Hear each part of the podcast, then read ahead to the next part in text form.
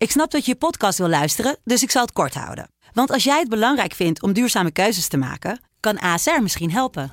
Nou hoor ik je denken, hoe dan? Nou, bijvoorbeeld bij het duurzaam herstellen van schade. Of de premies die we beleggen volgens ons duurzaam beleggingsbeleid. Dat bepaalt waar we wel en juist niet in investeren. Wil je meer weten over welke duurzame keuzes ASR maakt? Ga dan naar asr.nl slash duurzame keuzes. ASR doet het. Zo, dan kan je nu lekker naar je podcast luisteren. Studio Socrates wordt mede mogelijk gemaakt door Unibed. Há muito tempo você está no meu caminho. Como posso esquecer?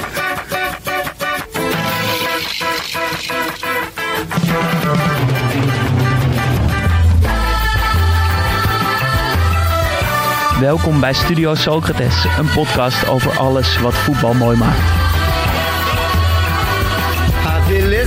Você, menina. Menina.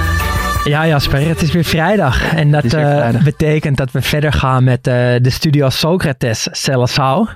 Samen met Mike Snoei, trainer van Telstar, gaan we op zoek naar het ideale studio Socrates elftal. Eh, onze mannetjes, voetballers die ons, in ons hart zitten. Niet per se de beste spelers, Zeker niet. maar gewoon onze mannetjes. Vorige week stemde de luisteraar Maldini in het elftal. Godzijdank. Tegen Taiwo, kon ook niet anders.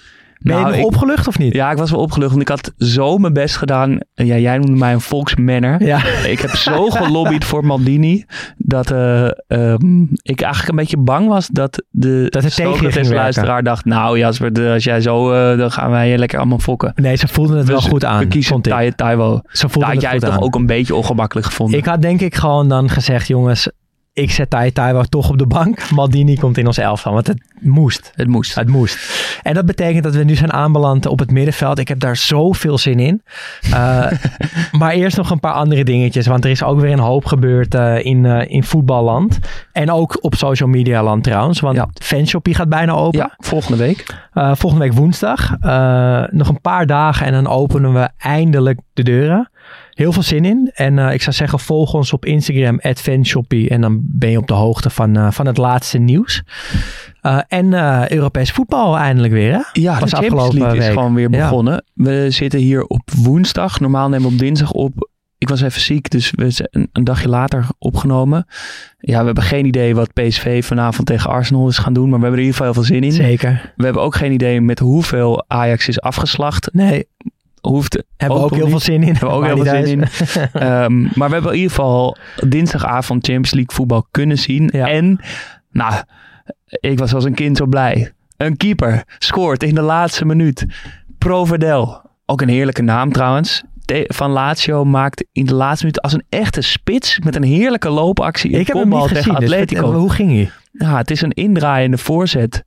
Ehm, Atletico staat heel verdedigend. Iedereen wordt gedekt. En er is één man in het geel gestoken. in de laatste minuut die mee naar voren is gekomen. En een loopactie maakt naar de eerste paal. En die, die, hij eh, hem of hij knikt hem echt? hij knikt hem voor hem, volgens mij. Dat weet ik nu even niet. Maar hij komt heel mooi tussen, ja, tussen de verdedigers in. Precies op het juiste moment. eh, die bal even binnenkoppen. En dan is het juichen ook zo mooi. Hoe het de- hoe ongemak. die? Ja, met grote ogen om zich heen kijkend. Rennen. Gewoon gaan, eh, toch? Die benen gaan gewoon lopen. En die armen gaan opzij. En hij kijkt iedereen even verbaasd aan als ze hem aankijken. Maar wel een, echt een zeldzaamheid in de groepsfase van de Champions Ja, League. toch? Je, het Het is begint meer altijd, iets voor de knockout. Ja, het begint altijd met dat moment dat, dat hij zo wijst naar de coach. Mag ik? Mag, Mag ik ik? mee? Ja. Mag ik mee? Wat ik ook leuk vind. dat- Zeker. Dat, dat even dat graag willen vragen. ook. Ja. Dat ze graag mee naar voren willen. Ehm, dat ze toestemming m- moeten vragen. En ja, er gebeurt natuurlijk eigenlijk nooit iets. Behalve misschien bij ADO Den Haag een keer een gekke hakbal. Maar voor de rest, Zelden. ja, het zijn vaak geen goede koppers. Maar Provedel, die kan je gewoon een keer nog als spits eh, brengen. Ja, was trouwens niet, eh, ik denk niet gunstig voor Feyenoord dat Lazio daar toch nog een puntje pakte. Want Feyenoord won natuurlijk 2-0, was ja, best wel een lekkere pot. Knap van Feyenoord. Maar belangrijker is nog dat, ja, Ja, dat Telstar weer heeft verloren vorige week vrijdag. ja. Rode JC uit. Kan Altijd gebeuren, lastig. want Roda staat bovenaan. Maar het begint wel echt problematisch te worden. Zes gespeeld, nul punten. Eh, hoe lang kan dit nog goed gaan? En op de dag dat wij uitkomen, op vrijdag dus, als je dit luistert, dan staat de volgende wedstrijd alweer op de rol. ADO Den Haag uit met eh, Van Micham, Henk Veerman. Is toch ook geen makkelijke wedstrijd. Zeker niet. En eh, ja, ik ja, wil... we zeggen eh, dit natuurlijk, want we zijn maar ik wil Telstar even doen. Maar we zijn, ik dacht, ik moet even zeggen, we Ja. zijn natuurlijk Telstar volgers. Ja, we hebben het er hier ja, om, omdat Mike Snoei ons elke week helpt. Ja, Op dit moment nog coach van Telstar. Maar ja, we gaan toch vrezen. ja, en daarom wil ik dus een oproep doen. Ik ga vrijdag eh, rond de klok van acht een klein gebedje doen. voor Mike Snoei, voor Telstar. Gewoon even één minuut stilte. Even denken, even imagineren, manifesteren. Die overwinning gewoon in je kop, gewoon eruit. De- eh, Ja. Het universum in. En Ja. dan wil ik dat jij dat ook doet, Ja, Jasper. En dan wil ik dat de luisteraar dat ook doet. Want Telstar heeft die punten nodig. Mike Mike Snoei heeft, punten, nodig. nodig. Eh, En ik denk, als hij de punten, als hij een resultaat haalt bij ADO uit, dan is dat een groot, is dat een groot statement. dat kan Als de ommekeer betekenen. kan een ommekeer betekenen, zowel voor Mike Snoei als voor Telstar. Ja. Dus eventjes één minuutje stilte, acht uur op vrijdag. En dan komt het allemaal goed. Wat me trouwens wel opvalt, Mike Snoei, eh, want we zijn aanbeland bij het middenveld. Hij heeft natuurlijk weer een schitterende positiebeschrijving eh, en een speler gekozen. Maar hij zit er zelf gewoon lekker in. Ja, Je merkt niet aan hem dat het niet goed gaat met Telstar. nee. Je merkt wel aan hem dat hij heel blij is dat we op het middenveld zijn aangekomen. Want normaal duren ja, zijn stukjes eh 1 à 2 minuten. Vandaag duurt het ruim 4 minuten. Maar hij heeft dan ook wel een heel mooi verhaal. eh, over zijn eerste middenvelder die hij selecteert. Dus ik stel voor dat we daar eh, naar gaan luisteren. Je ziet bij Vlagen dat hij geweldig kan voetballen. Ik ben gek van hem. Mannen, hier ben ik weer. Mike Snoei, trainer van Telstar. Eh, nog eens even wat dieper in dat ideale elftal van mij duiken. Maar dan vooral niet te kritisch zijn, want ik ben vooral ook liefhebber. Kijk ontzettend graag naar leuke spelers die brutaal zijn, flair hebben.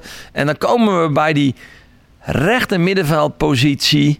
En eh, die is ontzettend grappig, want die is nu ook actueel. Tenminste, ik vind dat grappig en anderen misschien niet, maar of wat minder. Jerry Schouten. Gescout door Piet Buter en mezelf bij ADO 2. ADO 2. Pa en Ma Schouten uitgenodigd met Jerry hierboven in de Witte Leeuwenkooi voor een voetbalgesprek. Want wij hadden gehoord dat Jerry ook eh, vanuit ADO 2 kon naar Groningen, NEC en noem alles maar op. Dus hij was best wel op de radar bij wat clubs. Maar dan meer als aanvulling van de selectie. Dus Pa Schouten, een mannetje, eh, die, eh, die was wel geïnteresseerd in een goed voetbalgesprek met de trainer Mike Snoei en de technisch manager Piet Buter. En eh, daar zaten wat mensen dan tegenover ons, wat andere familieleden. Frank Schouten, naamgenoot, meer niet, zaakwaarnemer. De huidige technisch manager Niels van Duinen van Excelsior. Zo grappig. En, eh, en, eh, en wij moesten maar eens vertellen wat we met Jerry van plan waren. Nou, heel voetbalverhaal. En ik, eh, hij was de nummer 10 van ADO 2. Die achter de spits speelde. Hij was nog bij Petrovic ingevallen. Dus hij had best wel wat pretenties. Maar eigenlijk op een doodspoor. Toen met die overname met allerlei Chinezen, ik weet het nog goed, waren ze Jerry vergeten. Jerry en Rodi de Boer, maar daar komen we dadelijk op. Maar eerst Jerry Schouten. En het grappige is, eh, wij hadden een voetbalverhaal. We hadden precies niks te bieden financieel. Sterker nog, hij moest als amateur moest hij aansluiten. Zo grappig. Alleen, ik vertelde aan Schouten dat hij wel 40 wedstrijden kreeg. We gaan hem wel een platform geven van 40 wedstrijden. En daar is hij wel aan toe. In de KKD, opportunistische competitie. Ga er maar staan, Jerry. En eh, er moeten gek, gekke dingen gebeuren, wil je niet gaan starten. Oké, en eh, zo gezegd, zo gedaan. Jerry gaat starten als nummer 10. En om een lang verhaal kort te maken, de eerste zes weken desastreus. Verschrikkelijk tegenvallend. Jerry slecht in zijn vel, had wat last van wat oude blessures. eh, kwam niet aan de bak rondom die spits. Ik vond hem ook wat snelheid missen in die KKD. Gewoon pure snelheid om over zo'n spits heen te gaan. En eh, dat voetballende vermogen was er al lang. Dat heeft hij echt niet van Mike Snoei geleerd. Dat had hij al. Maar die actie rondom de spits, hmm, moeizaam. We werden uitgeschakeld in de eerste ronde van de KVB-beker. Ik weet het nog precies door VVSB. Niet met 1-0, met 4-1. En een, eh, een jankende Jerry Schouten, eh, zittend op de grond na afloop, eh, droevig ingevuld. En dat zijn altijd die bekerwedstrijden die, die rondom de start van de competitie plaatsvinden. En wat nu? Nou, wij hadden hem inmiddels wat beter bestudeerd. Eh, de staf, mezelf. En, eh, en toen hadden we het idee om hem wat verder achter de bal te laten spelen. Als een soort controleur, maar ook als een soort spelmaker. Paaschouten, dit moet ik echt vermelden, want dit weet hij nog precies. Stormde op mij af, boven in, eh, in, in de witte leeuwenkooi weer. Met het vingertje nog naar voren van... Trainer, luister. Jerry is wel een tien, hè? Je gaat hem geen verdedigende middenvelder maken. Ik zeg, luister nou. Ik zeg, geef ons de tijd. Wij denken dat hij veel belangrijker kan worden achter de bal. En, eh, en zo gezegd, zo gedaan. En ik denk dat Paaschouten, een beetje lullig. Hij is er niet vaak meer op teruggekomen. Wel zijn zaakwaarnemer. Die eh, heeft dat altijd enorm gewaardeerd. En Jerdy ook, dat weet ik. Eh, maar eh Paaschouten eigenlijk nooit meer over gehoord. Van, eh, hey, was het misschien toen toch wel een aardige zet... om hem wat verder achter de bal te zetten. Want volgens mij is hij nu miljonair. Ik vond het weer hartstikke leuk. En, eh, en eh, we gaan lekker verder. En jullie zijn van harte welkom. En eh, wie weet wordt die relatie nog wel eens wat beter. Ja, daar zitten natuurlijk weer een paar heerlijke dingen tussen. Nou, jij moet blij zijn dat hij zichzelf toch weer even aankondigt Ja. als trainer van Telstar. Dat, Alsof hij ook aanvoelt dat, het, dat hij het nog even moet Ja. gaan zeggen, want het kan zo afgelopen ja, zijn. hij begon de eerste weken met Mike Snoei hier, trainer van Telstar. En toen heeft hij dat een tijdje niet gezegd. Ik was zo blij dat hij dat nu gewoon weer zei. Wat, nou, toont een soort bescheidenheid. Wat prachtig is. Ik vond het vooral ook heel lekker dat hij een aantal keer over zichzelf in de derde persoon eh praatte. Was wel geïnteresseerd in een gesprek met de trainer Mike Snoei. Ja. Dat voetbal kon hij al lang. Heeft hij echt niet van Mike Snoei geleerd. Nee. Ja, dat vind ik, ja, dat je dat zo zegt. Heerlijk. Paas Schouten. Niet veel mensen die daarmee mee Paas een mannetje. gescout door mezelf. ja. En ik vond het ook wel mooi dat die de club Telstra ook niet te serieus neemt. Want ja, die hebben hem niks te bieden, die Schouten. Helemaal niks te bieden, behalve 40 potjes voetbal op KKD-niveau. Eh, en dat hij eh, toch ook durft te vertellen dat hij 4-1 pak heeft gekregen van VVSB, een amateurclub. Eh, dus dit was vier minuten lang, eh, vier minuten lang cult van Mike Snoei. En daar zijn we hem echt ongelooflijk dankbaar Ja, voor. dankjewel Mike. Ja, maar ja, hij nomineert dus Jerdy Schouten Gaan we als eerste mannetje kijken? op het middenveld. Ja, zoals gezegd, we zitten hier woensdagmiddag. We gaan vanavond lekker naar Jerdy kijken. wat vind je Ehm, van zijn keuze? Ja, ik ben vooral heel benieuwd naar Jerdy. Ehm, ik heb altijd veel goeds over hem gehoord. Veel veelbelovende dingen. Eh, vooral zijn tijd bij Bologna. Maar ja, dat heb ik niet wekelijks gezien. En nu bij PSV ga ik voor het eerst echt van hem... Ga ik hem echt aan het werk zien. En daar heb ik ongelooflijk veel zin in. Want nou, ik heb nog geen idee wat er vandaag gaat gebeuren. En ik denk, los daarvan, wat er ook gebeurt vanavond... Het zou zomaar kunnen dat PSV echt een grandioos seizoen tegemoet gaat. Want ik vind het elftal... Daar zit wel echt veel in. No no op je feestje. No en no 7K op je feestje. maar dat is ook Jerdy Schouten. En, ja, ik vind het, eh, Nou, en wie wil je nou liever op je feestje? ja, toch wel no en no 7K. Zeker. Ja, want Schouten is een goede voetballer. En ik vind het ook heel leuk om te horen dat Mike Snoei... eh, ja, dat hij een grote invloed heeft gehad op de carrière van Schouten. Want ja, zonder eh, gekkigheid, dat is dus wel echt zo. Eh, maar hij is wel te bleu, vind ik, voor de studio Socrates Celestao, toch? Het is gewoon er nog Schouten. niet. Het is een voetballer, het is een vriendelijke jongen. Maar het is nog geen Socrates materiaal, vind ik. Nee. Uh, maar ja, dit is dan ook Mike Snoei's elftal. Daar hebben wij niks over te zeggen. Nee. Uh, en ik vind hem wel goed passen in het elftal van Mike Snoei. Even voor de volledigheid wat er inmiddels uitziet. Met Pasveer op de goal. Dumfries op rechts. Israël in het centrum samen met Martinez. Op links Hartman. En vlak voor de verdediging Jerdy Schouten. Mooi elftal. Mooi elftal. Ja, er zit op een of andere manier nog meer lijn in dan in jouw eh, elftal. Terwijl het toch Zeker. ook alle kanten op Ja. gaat. Maar goed, we gaan naar het middenveld. Eh, eindelijk. En ik Oh, zeg eindelijk, eindelijk. omdat jij al vijf weken loopt te roepen. Hoeveel zin je in het middenveld? Ja. Waar- waarom is dat? Nou, ik heb echt lopen zwoegen om die verdediging samen te stellen. Want ik vond elke positie, behalve de keeper met Aurelio Gomez, vond ik gewoon echt een opgave. En nu wordt het ook wel lastig, maar op een andere manier. Omdat ik nu gewoon, ik kan zo tien middenvelders opnoemen die ik wel mijn elftal zou willen hebben. Ja. Dus het wordt gewoon afstrepen en ja, mijn echte, echte mannetjes selecteren. En bij eh, verdedigers was het toch meer zoeken naar die ene speler die misschien wel mijn mannetje is geweest ooit. Eh, dus het, wordt, eh, ja, het ligt wat dichter bij mezelf ook nu. We gaan middenvelders kiezen. Ik was zelf een middenvelder. Ik heb de luisteraar vuurwerk beloofd op mijn middenveld. Creativiteit, voetbal, inventiviteit, schoonheid. Geen rammers meer, maar gewoon stilisten, voetbal. En dat ga ik nakomen. En daar heb ik echt heel veel zin in. Ik heb het ook hoor. Een middenvelder spreekt toch meer tot de verbeelding. Er komt ook meer creativiteit mee bij kijken. En wat, ik, wat me toch ook verbaast is dat wat we allebei hadden met verdedigers. Dat we vooral voor meedogenloze, keiharde Ja. mannetjes hebben gekozen. Dat we dat toch zochten, dat we dat fijn vinden. Ehm, maar bij, bij het middenveld kiezen we niet voor de mannetjesputters, voor de stofzuigers, maar kiezen wij volgens mij allebei voor de souplesse en intelligentie en sprankjes genialiteit, subtiliteit, schoonheid. Ja, En dus geen harde, bonkige werkers, maar frelle, kleine mannetjes met inzicht. ja. En hoe ga jij je middenveld dan neerzetten? Want dat kan natuurlijk Ja. op veel We verschillende spelen, manieren. we spelen 4-3-3, Ja. dus dat, we kunnen kiezen puntje ervoor, puntje erachter. Eh ik heb gekozen voor puntje naar voren. Twee controlerende middenvelders en één eh, nummer 10. Eh, Heb ik ook gedaan. Nummer 10, die stond al vanaf het eerste moment opgeschreven. En eigenlijk die twee verdedigers ook.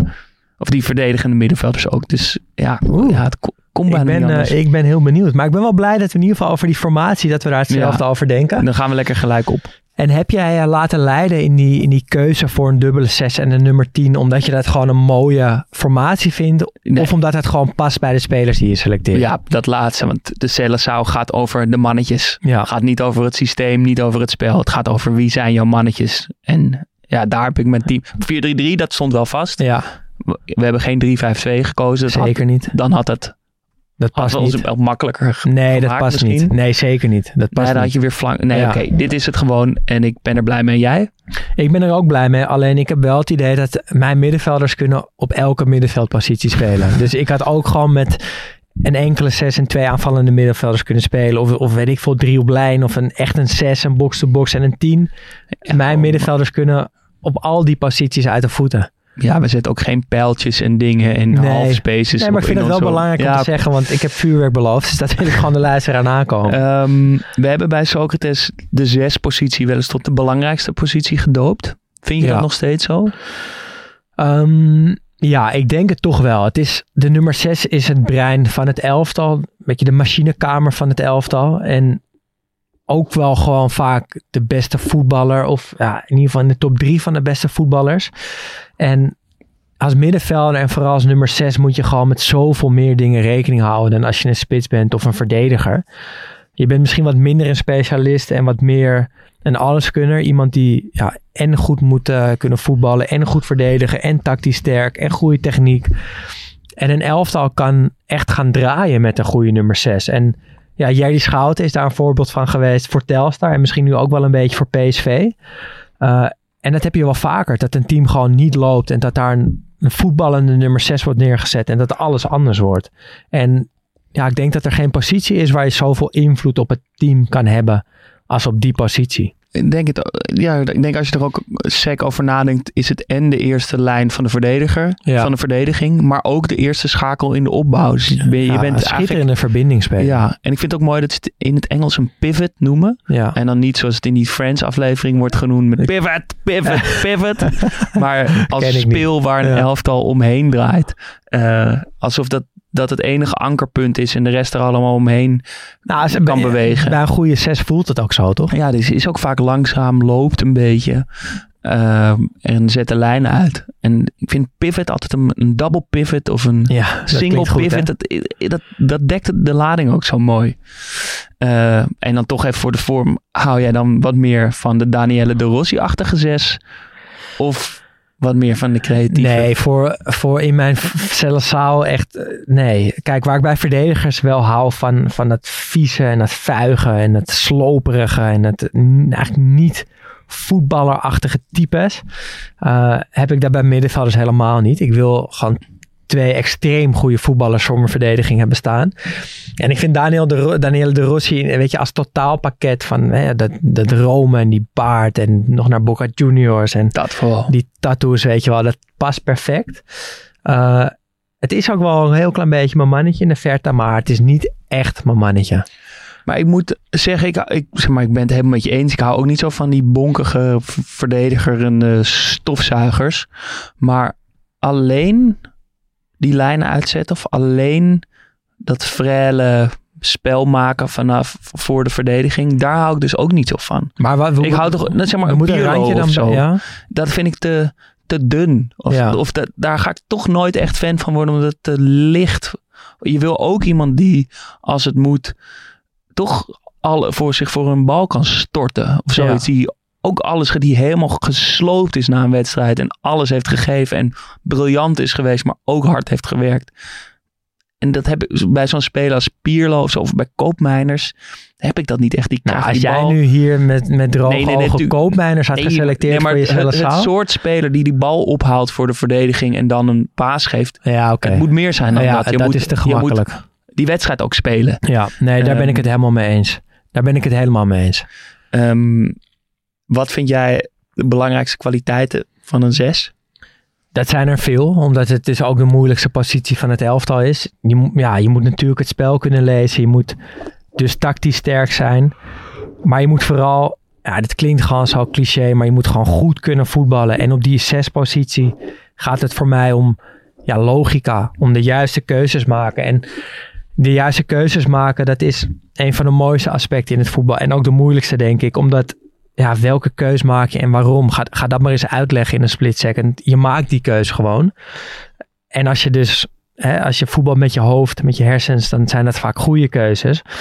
En het zal vast een beetje trainbaar zijn, maar niet zoals een trap of, of, of een sprint of, of whatever, koppen. Eh, het, het, ja, daarom is het ook zo mooi. Er zit zoveel intuïtie bij, er zit zoveel gochme bij, zoveel voetbalslimheid zit erbij.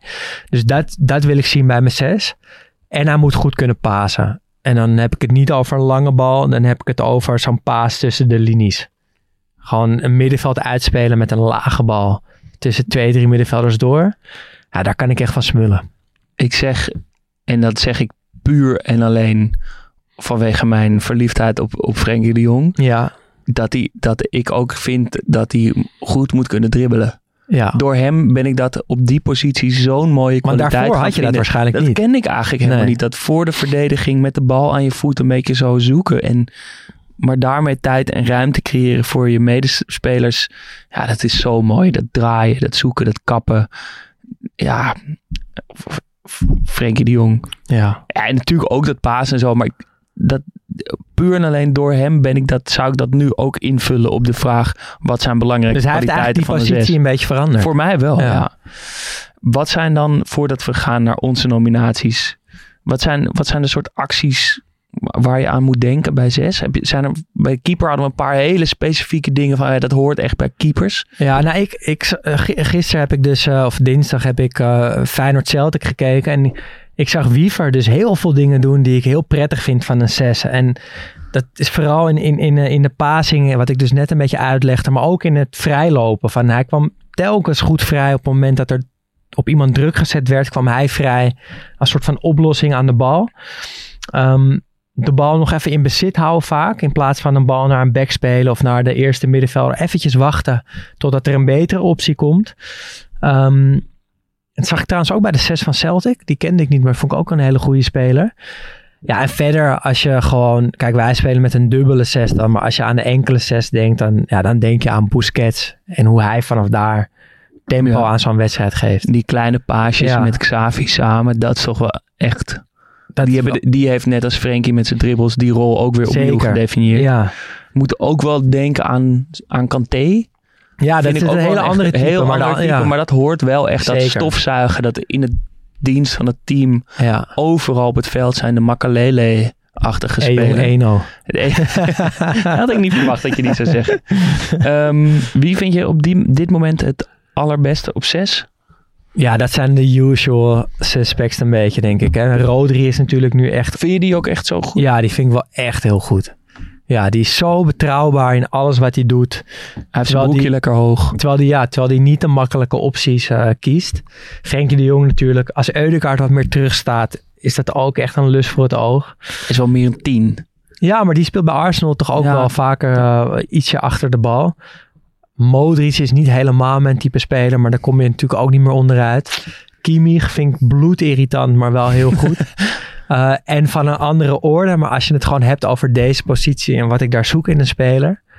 Pas op dat je niet van je stoel afvalt, maar Jordi Klaasie. Nee, ik blijf gewoon Kan zitten. ik, echt ook eh, heel erg van genieten. En voordat we naar onze eigen nominaties eh, gaan, eerst nog de winnaar van de mok. Op maandag stellen we altijd aan de luisteraar de vraag ja, wie zij in de Celesau zouden willen hebben op deze positie. Mart, onze redacteur, degene die hierover gaat, die stelde ook vooral de vraag welke middenvelder had jij bij je favoriete club willen zien. En dat leverde verrassende resultaten op. Hele verrassende resultaten. Ehm, Mart koos daar eentje uit. Daar valt niet mee te corresponderen. Daar hebben wij ook niks over te zeggen. Dus niet bij ons komen klagen. we zijn heel blij dat Mart dat doet. Die doet. We zijn het er ook eigenlijk ook altijd mee eens. Maar hij koos voor een reactie van Sebas 6985. Die zei namelijk Gattuso bij Feyenoord. Dat had hij wel willen zien. Eh, op de vraag dus welke topmiddenvelder had jij bij je favoriete club willen zien?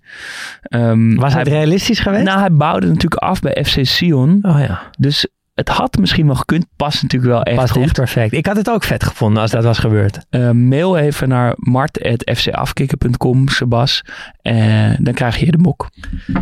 Ja, en dan is het nu tijd eh, voor onze keuzes. We hebben één gedeelde. Ja. Laten we dat zometeen als laatste doen. En dan doen we eerst onze tweede nominatie Ja. eerst. Zal Begin ik dan maar. beginnen? Ja.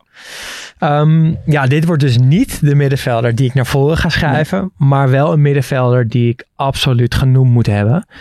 Eh, en dat is Xavi van Barcelona. En ja, dat is... Kijk, ik vind het gewoon een hele saaie man. Eigenlijk. Hij ziet er niet vet uit. Hij heeft geen stijl. Hij heeft geen uitstraling. Ehm, hij is niet interessant buiten het veld. Dus ja, waarom dan toch een nominatie voor de Studio Socrates Celesau? Ja, dat komt omdat het gewoon de allerbeste middenvelder is die ik veel heb zien spelen. De smeerolie van Barça in het tijdperk van Guardiola.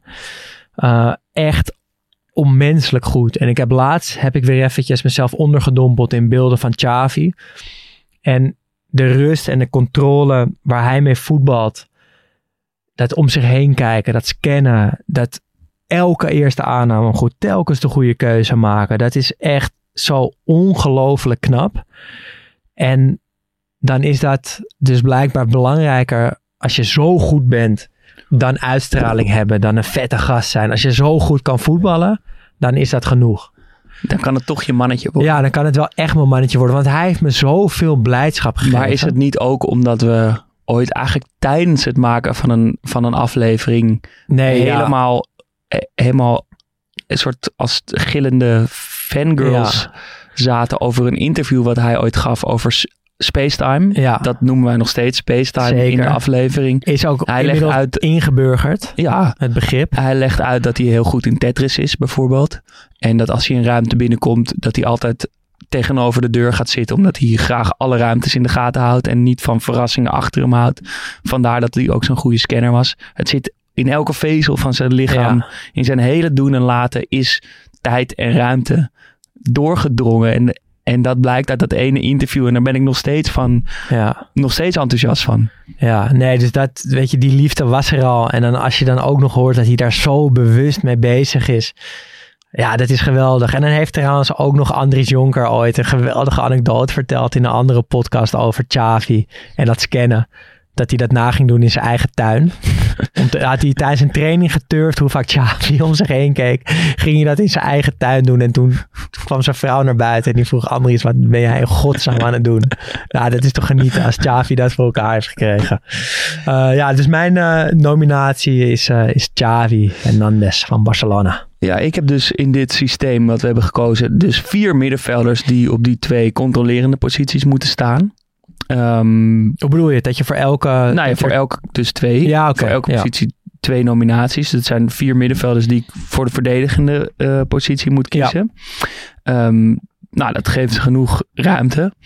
De twee op de linker controlerende uh, middenvelderpositie, die stonden al in steen gebeiteld bij mij. Daar kan niet aan uh, getornd worden. Rechter centraal, uh, centrale middenvelder is ietsjes lastiger. Ik had hier voor William Carvalho kunnen kiezen. Oeh, de fluwelen tank. Dat is wat wel echt je mannetje. Mijn mannetje is. Ja. Maar ja, het is net te dun. Ik heb net, het is net te veel gimmick geworden, denk ik. Dat ik van hem hou. Ik heb hem niet echt genoeg zien spelen.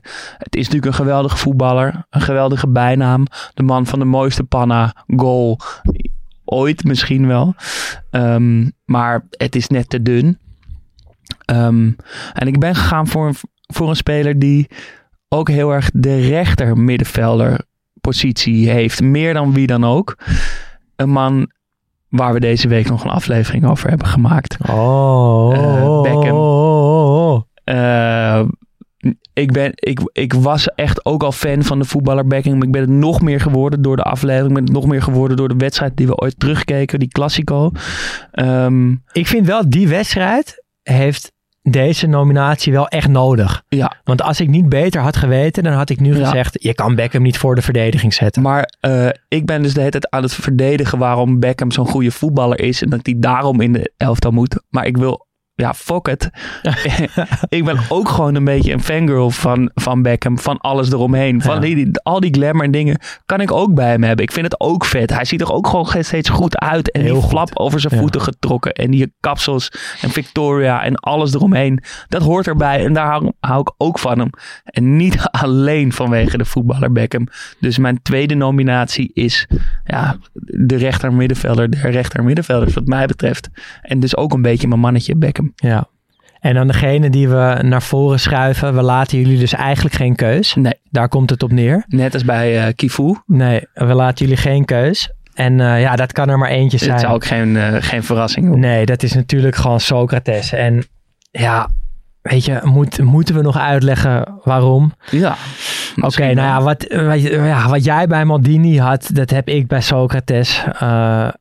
Sterker nog, jij hebt het ook bij Socrates. We hebben het allebei bij Socrates. Deze podcast kan opdoeken als Socrates niet in dit elftal terechtkomt. Daarom. En kijk, ten eerste, het was gewoon een geweldige voetballer. Hij was ontzettend stijlvol. Op en naast het veld. Lange, dunne gestalte. Voetballen met je hoofd, met je ogen en dan pas met je lichaam. Uh, maar hij liet ook zien, en daar staat Socrates natuurlijk ook heel erg voor, dat, dat je meer dan een voetballer kan zijn. Weet je wel, je bent een voetballer binnen de lijnen. Dat doe je zo goed mogelijk. Maar daarnaast is er ook nog een heel leven. En dat heeft hij ja, ten volste geleefd. Hij was politiek geëngageerd, strijdend tegen het militaire regime in Brazilië in de jaren tachtig. Afgeronde studie geneeskunde. Hij genoot van de andere geneugden van het leven. Hij, hij rookte als een ketter. Hij, hij, dronk veel te veel. Hij was muzikant. Hij was muzikant. Hij begaf zich in uh, allemaal interessante kringen die niks met voetbal te maken hadden. Uh, maar hij verlogende het voetbal nooit. Hij speelde eigenlijk altijd goed als dat moest. En ja, ik heb geen echte helden of idolen in mijn leven. Maar dit komt toch wel vrij dichtbij. Het, het dichtstbij, laat ik het zo zeggen. Hij hangt in mijn huis. Ik heb een podcast ernaar vernoemd. Ja, ja. Er, er, zijn wel eens momenten waarop ik denk van... Is het wel slim geweest om de podcast Studio Socrates te noemen? Want eigenlijk past het niet zo goed omdat we... Nou, we maken deze podcast ten eerste omdat we op zoek gaan naar alles wat het voetbal mooi maakt. Ja. Waarom we nog wel voetbal kijken. De, ja, er is natuurlijk veel lelijks. Wat maakt het voetbal nog het moeite waard? Maar de andere pijler waarop deze podcast staat, is dat wij allebei het gevoel hebben dat we te weinig. Dat er te weinig naar onze generatie geluisterd wordt als het gaat om nostalgie over voetbal of de verhalen. Eigenlijk alle Henk Spaans Henk, leuk dat je luistert, eh, van deze wereld. En Tom Egberts en al die mannen kijken naar 74, naar 88, naar 95. Misschien nog 98, misschien 2000. Maar daar houdt het echt op. Daarna zijn het de Galacticos en is het modern voetbal. En wordt er met een vies gezicht naar gekeken. Naar verwende miljonairs. En wij zijn opgegroeid met het voetbal van de jaren 2000. En wij vinden, wij hebben daar ook nostalgie op. Of ook recht op die nostalgie. Zonder het idee dat het vroeger altijd beter was. En daarin past Socrates dus niet echt. Omdat hij wel uit het tijdperk van Ja, maar natuurlijk, het is natuurlijk niet dat alles uit die tijd... er zijn ook heel veel mooie dingen uit die tijd. Dus ik wil dat ook niet dus- allemaal wegzetten Nee, als... daarom. eh, maar mijn hele punt wat ik dus wil maken is dat er momenten zijn dat ik twijfel. Ik denk, was het nou wel zo slim om hem Socrates te noemen? Want hij is eigenlijk net oud. En dan kijk ik naar Socrates en dan zie ik beelden van hem en dan lees ik een verhaal over hem. En dan zie ik die lange girafbenen in slow motion over dat veld heen gaan. Dan zie ik hem hakballetjes geven. Dan blijkt hij gewoon dokter te zijn. Eh, al die dingen denk ik, ja natuurlijk tuurlijk, heten we Studio ja. Socrates. Natuurlijk hoort dat en ik twijfel eigenlijk geen seconde meer over waar, of we het nou wel of niet nee, Studio Socrates moeten noemen. nee. En we gaan ook niet kiezen tussen twee verschillende Socrates. het is gewoon Er Socrates. komt geen poll, het is gewoon Socrates. En jullie hebben het er maar mee te doen. En als je daar niet mee kan leven... Ja, dan zou ik gewoon stoppen met het luisteren van deze podcast. Toch? Ja. Dan verdien je het ook niet. Nee, ja, nee. Ja, ik denk dat iedereen het met ons eens is. Eh, en er komt nog een andere positie, eh, andere controlerende middenvelderpositie aan. En daarin gaan Maar daar heb jij los. dus ook al twee mannen klaar voor Ja, ja, ja, nou, Die eentje weet ik eh, die natuurlijk, die, al andere weet ik nog niet. Nog even tot, kort, tot slot, om even kort af te sluiten. Wie is de meest irritante nummer 6 die je kent? Paul Pogba. Say Ja. no more. Nee. Wij zijn er woensdag weer met een... eh, weer, ja, het is een verrassende keuze steeds. En we gaan weer een hele andere kant op. Maar misschien wel een kant die jullie wat meer van ons gewend zijn.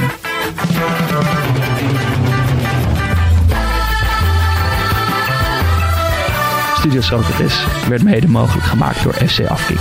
We zijn te vinden op Twitter en Instagram, het studio Socrates. En op vriendvandeshow.nl slash Studio Socrates kun je ons steunen voor 2,50 euro per maand. En maak je elke week kans op een product uit onze eigen fanshopping. Ja, die gaat eh, woensdag open. Dus eh, volg Fanshoppie op eh, Instagram en word inderdaad vriend van de show. Het loopt lekker door de laatste tijd. Sorry, dat we niet, ja, sorry dat we niet iedereen bij naam noemen. Maar heel erg bedankt Het je wordt gelezen, het wordt gewaardeerd. Ja, heel erg bedankt als je vriend van de show bent geworden. En als je dat nog niet bent, doe het. Want eh, ja, we zijn ontzettend dankbaar daarvoor. Ehm, als je geen vriend van de show wil worden, maar wel wil mailen, dan mag dat ook. Vinden we je ook nog steeds lief. En dat kan naar studiosocratespodcast.gmail.com. En dan eh, zeg ik tot woensdag. Te segura no balanço pro vento não te levar.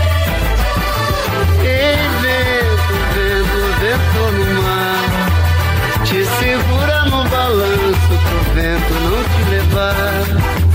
Já sei que não vai ter jeito pra poder te conquistar. Se você olhar pra mim, menina, vou te amar. Já sei que não vai ter jeito pra poder te conquistar. Se você olhar pra mim, menina, vou te ganhar. Ei, vento, vento, vento no mar. Te segura no balanço pro vento não te levar. Ei, vento, vento, vento no mar.